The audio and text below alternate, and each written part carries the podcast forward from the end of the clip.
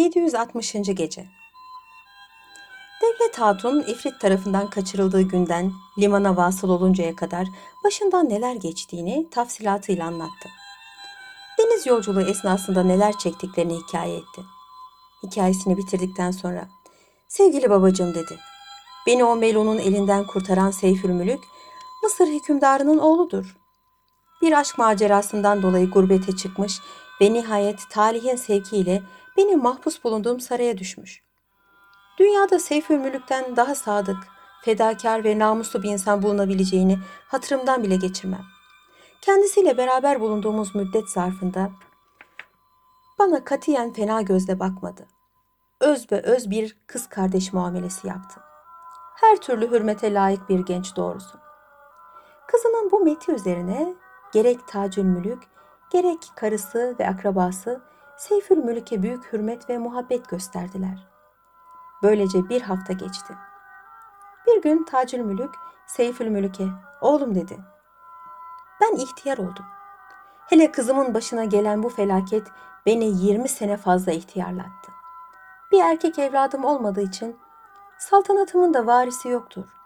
Binaenaleyh seni evlat edinmek istiyorum. Ve bugünden itibaren bu memleketin hükümdarlığını sana tevdi etmek niyetindeyim dedi. Ayrıca bu teklifinin kabulünü rica etti. Seyfül Mülük de Tacül Mülük'ün bu sözünü kabul edip Serendip devletinin hükümdarlığını eline aldı. Aradan bir müddet geçmişti. Bir gün Seyfül Mülük şehri baştan başa gezip teftiş etmek istedi. Birkaç vezir ve devlet adamı ile beraber çarşıya çıktılar ve Serendip'in meşhur bedestenine gittiler. Seyfül Mülük dükkanlarda teşhir edilen eski ve yeni mücevheratı, silahları seyrederken tellalın birinin elinde tuttuğu bir elbiseyi haraç mezat sattığını gördü ve tellalı tanır gibi oldu. Uzun uzun düşündü ve kendi kendine Evet, tıpkı kendisi. Bu ne kadar benzeyiş.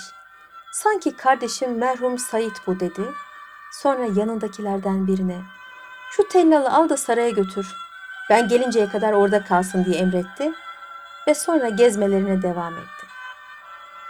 Şehrazat bu meraklı hikayesini burada kesmek zorunda kaldı. Çünkü artık sabah olmuştu.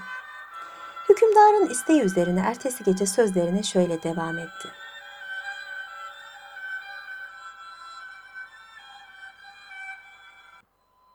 ...761. Gece Yaver aldığı emir üzerine Tellal'ı tutup saraya götürdü.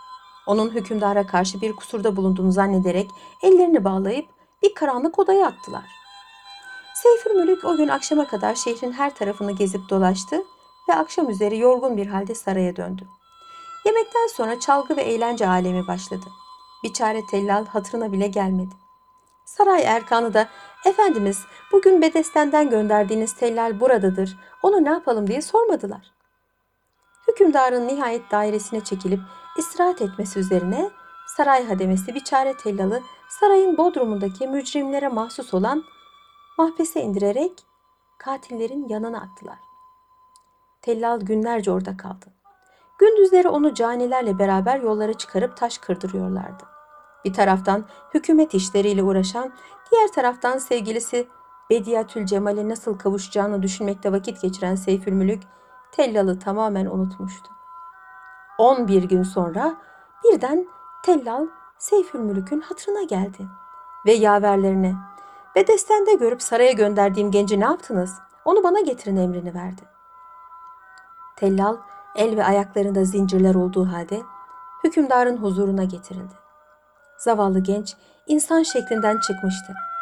Seyfülmülük onu görünce tanımadı. Sordu. Sen kimsin? Adın nedir? Efendim, ismim Sait'tir. Mısırlıyım. Ben burada Bedesten'de tellallık ediyor, ekmek paramı kazanıyordum. Hiçbir kusur ve kabahatim olmadığı halde 11 gün evvel beni tutup buraya getirdiler. Canilerle beraber zindana attılar. Artık işim evvela Allah'a, sonra sizin af ve merhametinize kalmıştır dedi. Gecenin sona erdiğini gören Şehrazat, hikayesini burada bıraktı. Ertesi gece kocasının isteği üzerine yeniden anlatmaya başladı. 762. Gece Seyfülmülük artık şüpheden kurtulmuş, onun kardeşi Sait olduğunu öğrenmişti. Sen beni tanımadın mı diye sordu. Bir çare Sait, hayretle hükümdarın yüzüne bakarak, hayır efendim tanımadım cevabını verdi. Seyfül Mülük derhal yaverlerini çağırarak Said'in elindeki ayaklarındaki zincirleri çıkarttı. Hemen koşup onu kucakladı ve ben seni denizde boğuldu zannediyordum. Hamdolsun Mevlam'a ki seni sağ ve salim buldum. Nihayet birbirimize kavuştuk dedi. Tellal da Seyfül Mülük'ü tanıdı. Hemen boynuna sarılarak haykırdı. Ah benim sevgili kardeşim. Yıllardan beri birbirini kaybeden iki gencin buluşması çok heyecanlı olmuştu.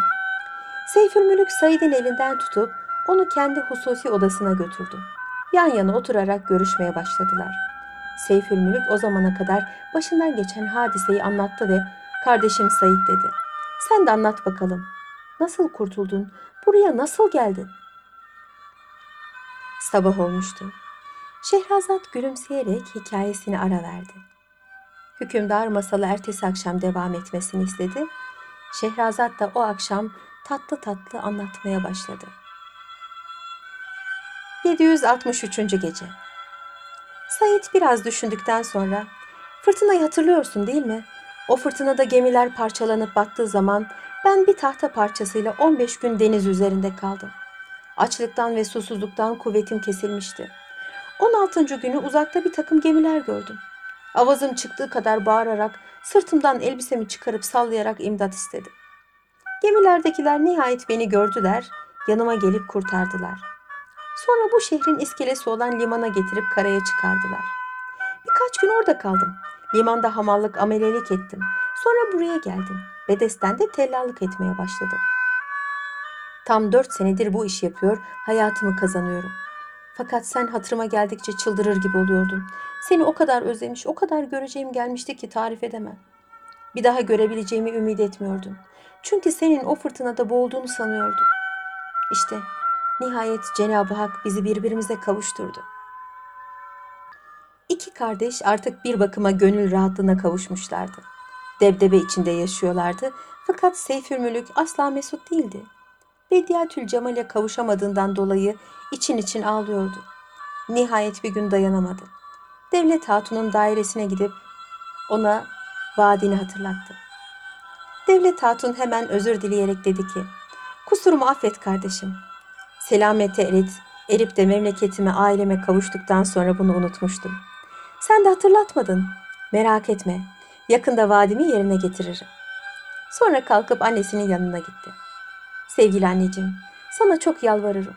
Bediatül Cemal'i pek göreceğim geldi diye sızlanmaya başladı. Kadıncağız, peki kızım dedi. Benim de göreceğim geldi. İnşallah bir gün beraber gidip görürüz. Yine sabah oluyordu. Hükümdar masalı ertesi akşam devam edilmesini istedi. Şehrazat da yarıda bıraktığı masalına ertesi akşam şöyle devam etti.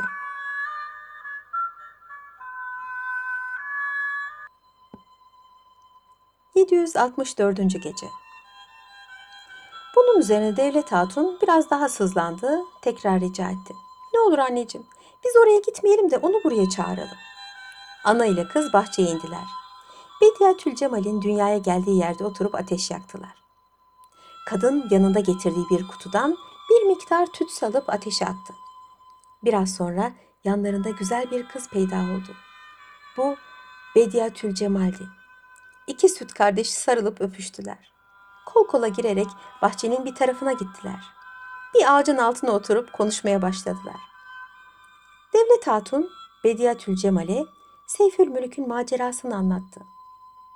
Onu o kadar met ve sena etti ki Bediatül Cemal meraka düştü ve merak ettim bu kadar met ettiğin genci bana gösterir misin dedi.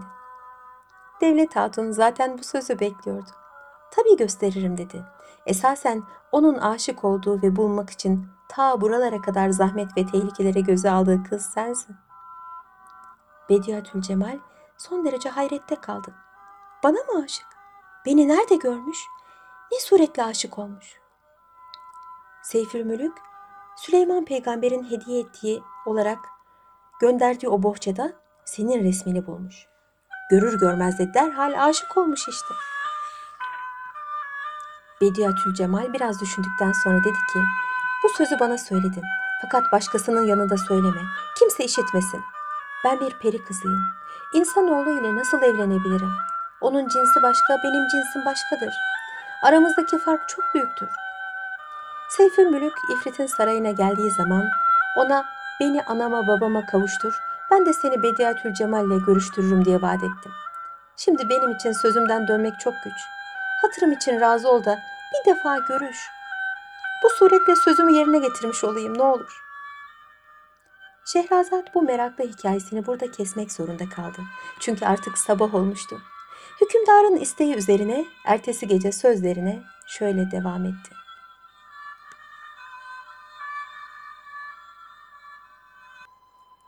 ...765. Gece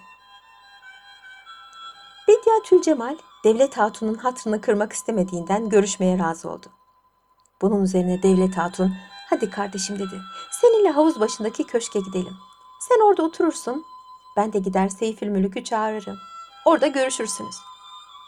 Havuz başına gittiler. Bediatül Cemal orada kaldı.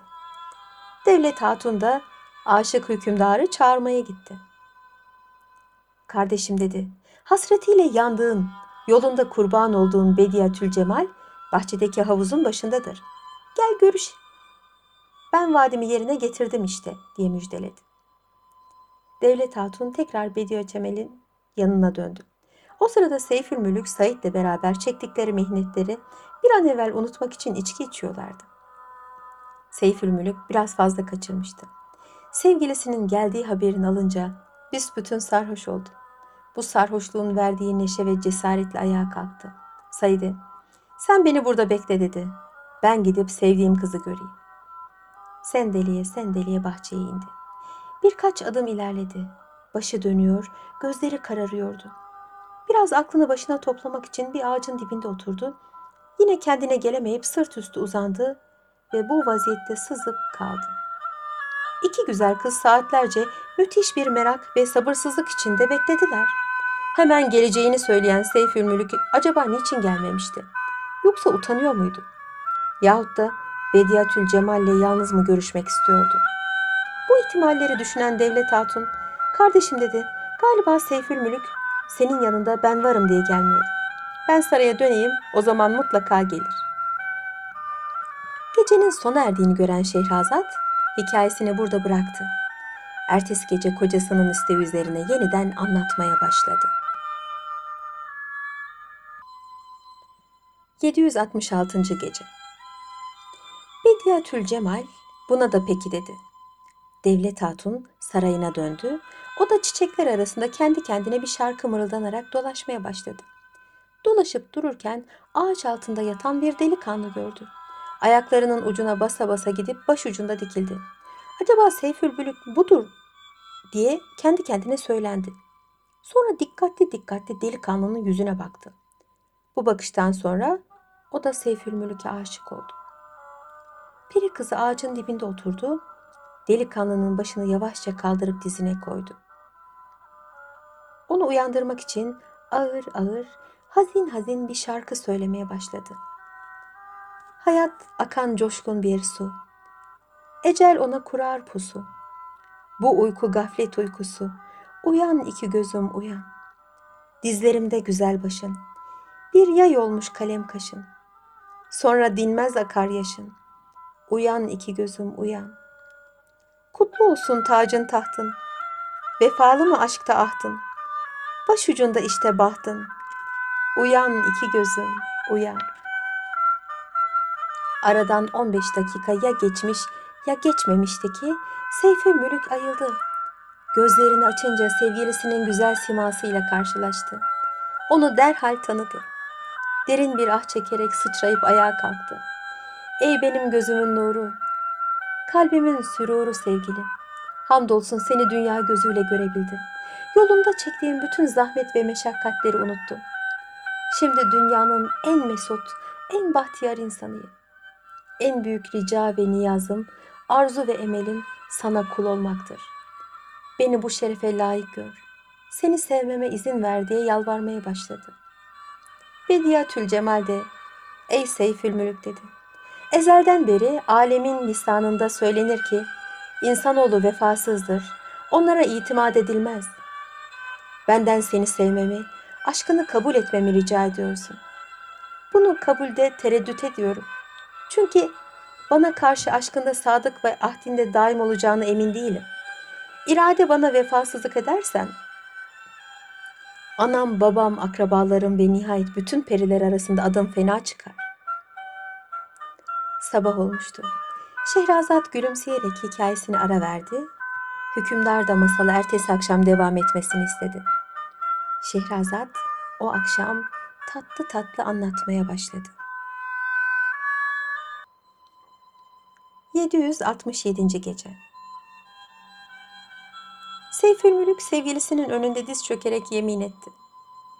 Dünyada en mukaddes şeyler üzerine yemin ederim ki hayatımın sonuna kadar senden başka birinin yüzüne bakmayacağım. Bediyatül Cemal bu yemin üzerine şüphe etmekten vazgeçti. Madem ki yemin ediyorsun dedi, ben de sana inanıyorum. Aşkını kabul ediyorum. Seyfülmülük kızın ayaklarına kapandı. Kız onu kaldırıp yanına oturttu. Kolunu delikanlının boynuna attı. Orada yarım saat kadar seviştiler. Nihayet Bediyatül Cemal, artık ayrılalım dedi. Bu gece rahat rahat uyu. Yarın sabah erkenden yine buraya gel.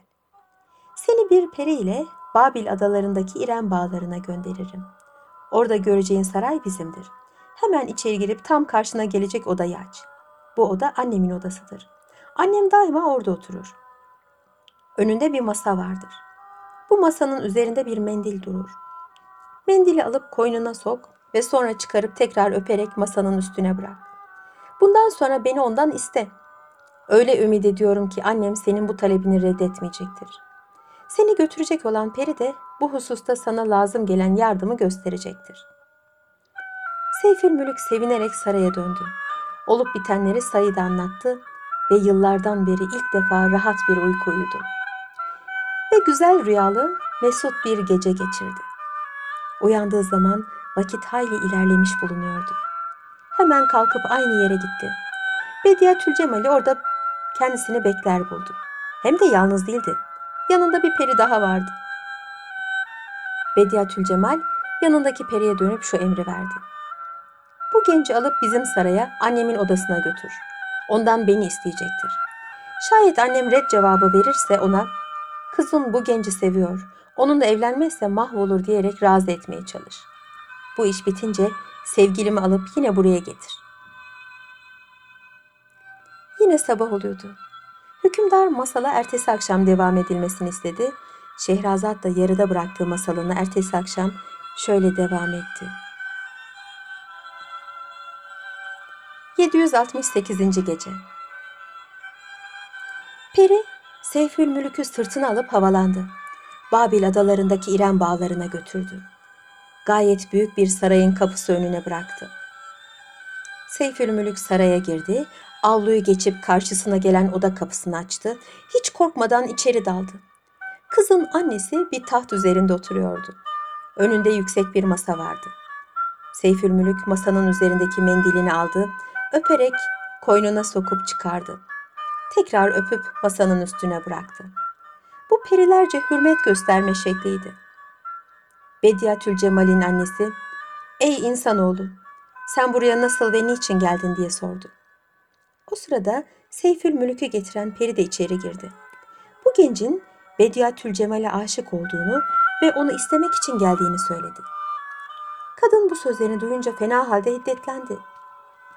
Bu insanoğludur diye bağırdı. Benim kızım ise peri kızıdır. Peri kızı ile insan nasıl birleşir? Bir peri kızı Adem oğluna hiç yakışır mı? Aralarında devamlı sevgi ve geçim imkanı varsa mümkün mü? İnsanlar hem vefasız hem de yalancı olurlar. İnsan bu insan. Bunun üzerine Seyfülmülük Ey sultanlar sultanı dedi.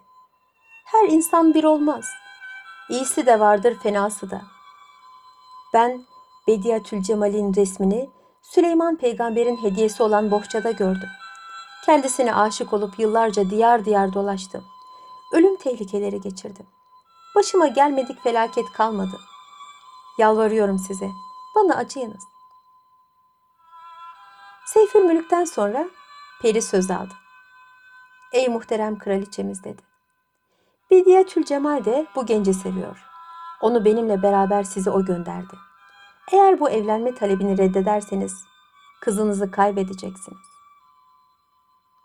Şehrazat bu meraklı hikayesini burada kesmek zorunda kaldı. Çünkü artık sabah olmuştu. Hükümdarın isteği üzerine ertesi gece sözlerine şöyle devam etti.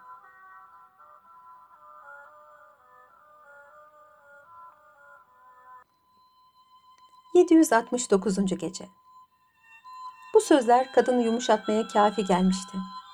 Ey yiğit! Bizim kızımızdan başkasına gönül vermeyeceğini, onu ölünceye kadar sadık kalacağına yemin edersen dileğini kabul ederim dedi. Seyfülmülük masanın üstündeki mendili alıp öperek yemin etti. Kadın onun yanındaki periye o halde bana şahbalı bulup getir dedi. Peri vazifesini yapmak için çıkıp gitti. Kadın Seyfülmülük'e dönerek Şahbal benim oğlumdur dedi. Onun da muvaffakatını almamız icap eder. Artık sen rahatına bakabilirsin. Sarayım emrine amadedir. Bu söz üzerine Seyfülmülük bahçeye çıktı. Bir ağacın dibine oturup sevgilisini düşünmeye başladı. Beri taraftan Seyfülmülük'ün adada öldürdüğü ifritin anasıyla babası her tarafa adamlar gönderip oğlumuzu öldüreni bize haber vereni ve bulup getireni büyük ihsanlara gark edeceğiz diye haber yollamışlardı. Bunu duyan iki peri o sırada bahçenin üzerinde uçuşuyorlardı. Ağacın altında oturan Seyfülmülük'ü görünce şüphelendiler. Bu ağacın altında oturan mahluk insanoğluna benziyor. Ademoğlunun buralara gelmesi imkansızdır. O buraya herhalde sebepsiz gelmemiştir. Yanına gidip kendisiyle konuşalım dediler ve bahçeye inip Seyfülmülük'ü selamladılar. Ey yiğit! Ademoğlu, sen güzel ve mert bir adama benziyorsun dediler. Çok hoşumuza gittin. Fakat merak ettiğimiz bir nokta var. Periler diyarına bir insanoğlunun gelmesi mümkün değildir. Sen nasıl gelebildin buralara? Gecenin sona erdiğini gören Şehrazat, hikayesini burada bıraktı. Ertesi gece kocasının isteği üzerine yeniden anlatmaya başladı. 770. Gece Seyfülmülük perilere şu cevabı verdi. Ben cihan seyyahı bir adamım. Dünyanın her tarafını gezdim. Nihayet yolum bu tarafa düştü. Şimdi de siz bana söyleyin. Siz hangi tayfadansınız? Biz peri tayfasındanız. Falan sahrada Melek Ezrak namında bir ifritin oğlu bir saray yapmış ve oraya bir insan kızı götürüp kapatmış. Bir gün onun sarayı önünden geçiyorduk. İfrit bizi tutup zindana attı. Bir müddet sonra öğrendik ki o Melon'u bir insanoğlu öldürmüş. Biz bu sayede zindandan kurtulduk. O mübarek insanoğlunun nerede bulunduğunu bilsek gidip elini öperiz. Seyfülmülük boş bulunarak o ifriti öldüren benim dedi. Periler derhal onu yakaladılar, Melek Ezrak'ın huzuruna götürdüler. İşte oğlunu öldüren adam budur dediler. Melik Ezrak çok korkunç bir ifritti. Derhal bir tabut getirilmesini emretti. Seyfülmülük'ü getirilen tabutun içine koydu ve sen benim oğlumu öldürüp nasıl yüreğimi yaktınsa şimdi de ben seni öldüreceğim dedi.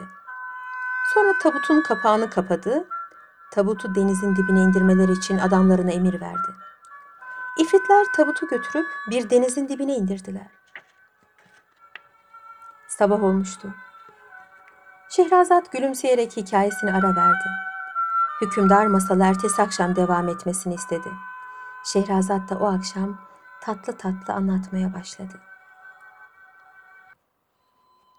771. Gece Biz gelelim Periler Diyarına. Bediye Cemal'in kardeşi Şahbal daveti üzerine annesinin yanına gelmişti. Ona kendisini niçin çağırttığını sordu. Annesi de oğlum Şahbal dedi. Kız kardeşini evlendirmek istiyorum. Bir defa da senin fikrini almak isterim. Buna ne dersin? Şahbal, siz nasıl muvafık görürseniz ben de razı olurum dedi. Fakat Bediatül Cemal'i isteyen bir insanoğludur.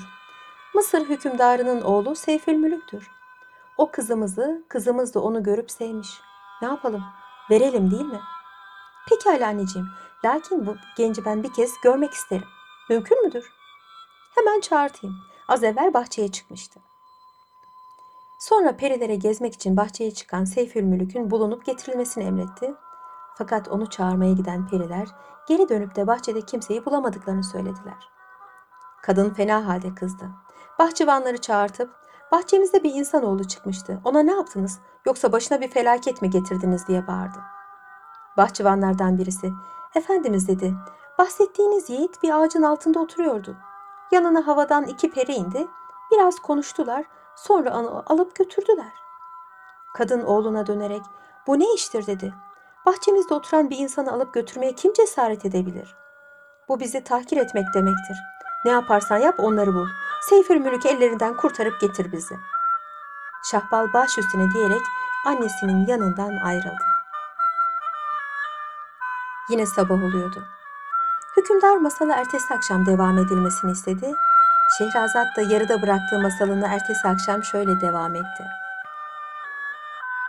772. Gece Şahbal derhal tahkikat yaptı. Seyfül Mülk'ü kaçıranların Melik Erzak'ın adamlarından iki kişi olduğunu öğrendi. Bu hareketi kendilerine bir tecavüz sayarak büyük bir ordu ile yola çıktı. Melik Ezrak, Şahbal Peri'nin büyük bir ordu ile kendi diyarına geldiğini haber alır almaz, ordusunu hazırladı ve onu karşılamaya gitti. Kendisine bir elçi gönderip ne maksatla geldiğini sordu. Şahbal da bize ait olan topraklardan aldığınız insanoğlunu istemek, derhal verilmediği takdirde de harp etmek maksadıyla geldik diye cevap gönderdi. Bu cevap Melik Ezrak'ı hiddetlendirdi. Harp etmeye karar verdi. İki ordu arasında müthiş bir muharebe başladı. Üç gün devam eden bu büyük ve kanlı savaşta Ezrak'ın ordusu perişan oldu. Kendisi de esir düştü. Şahbal mağlup olup esir düşen Erzak'ı annesine götürdü. İşte bahçemizdeki insanoğlunu kaçırtan budur dedi. Kadın hiddetle bağırdı. Ey Ezrak! Bu işi ne cesaretle işledin diye sordu. O insanoğlu derhal getirilip teslim edilirse ne hala. Aksi halde seni parça parça ettiririm. Melik Ezrak neticenin böyle olacağını bilmiyordu. Suçunu itiraf etti ve kendi adamlarına çabuk gidin denizin dibine indirdiğiniz tabutu çıkarın. İçindeki insanoğlunu en kısa zamanda buraya getirin diye emretti. İfritler hemen havalandılar. Aradan birkaç saat geçmeden de yanlarında Seyfül Mülük olduğu halde geri döndüler. Bu suretle hem Seyfül Mülük hem de onu denizin dibinde ölmeye mahkum eden Ezrak'ın hayatı kurtulmuş oldu. Şehrazat bu meraklı hikayesini burada kesmek zorunda kaldı. Çünkü artık sabah olmuştu. Hükümdarın isteği üzerine ertesi gece sözlerine şöyle devam etti.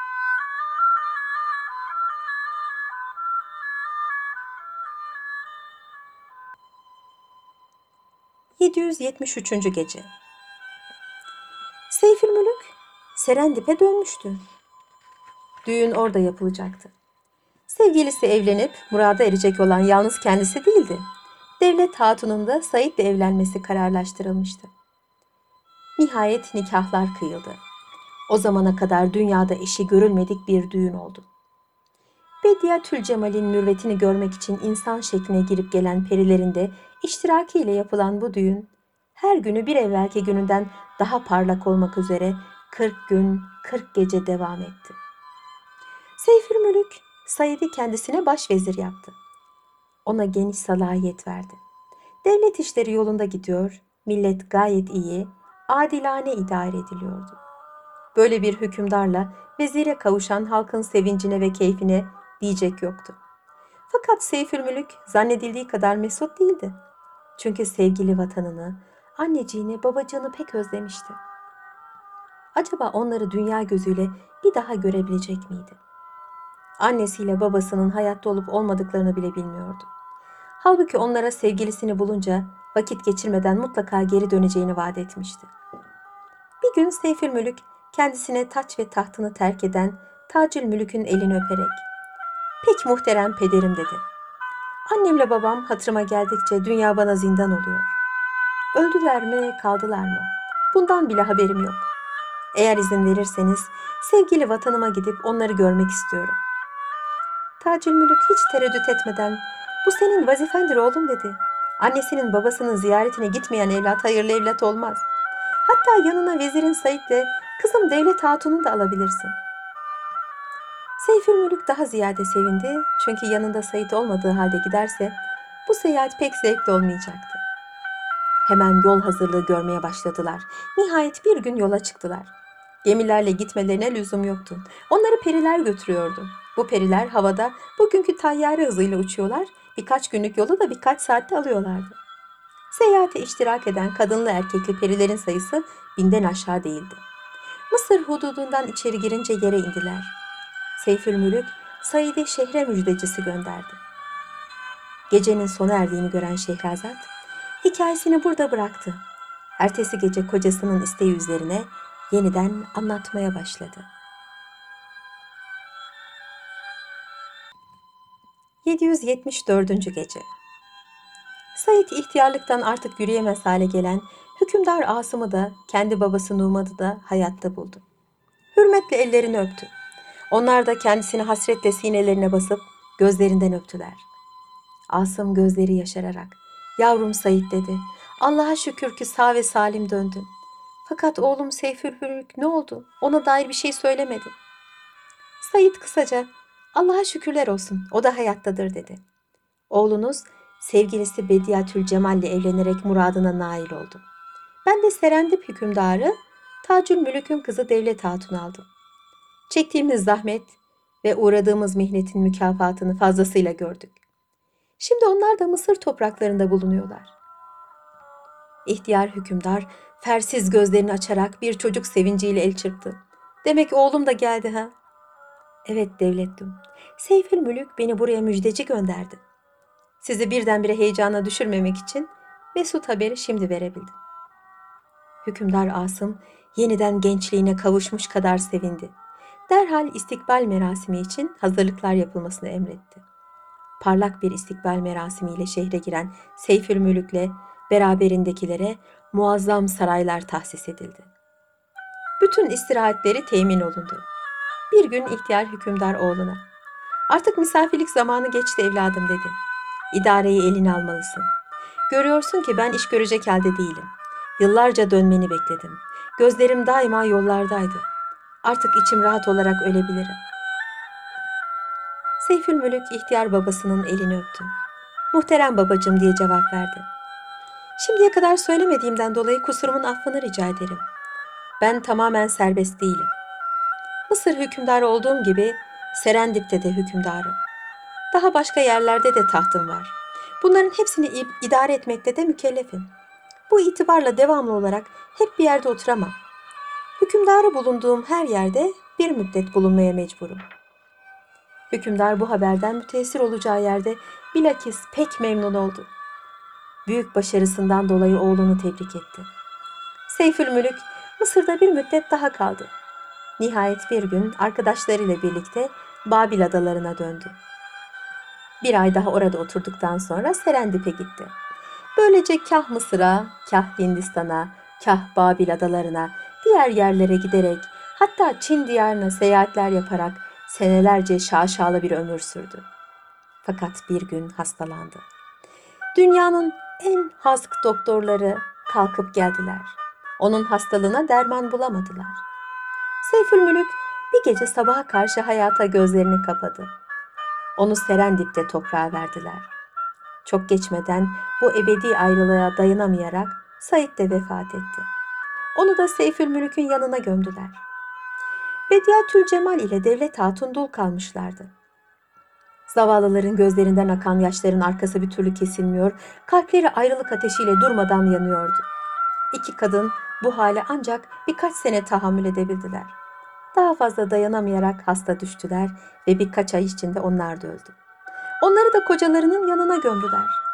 Seyfülmülük'ün hikayesi burada bitmişti. Sabah oluyordu. Şehrazat, eğer Efendimiz müsaade ederse yarın akşam kuyumcu Hasan Basre'nin hikayesini anlatmak isterim dedi. O hikaye bu anlattığımdan çok daha güzeldir. Hükümdar onun hayatını bağışladı.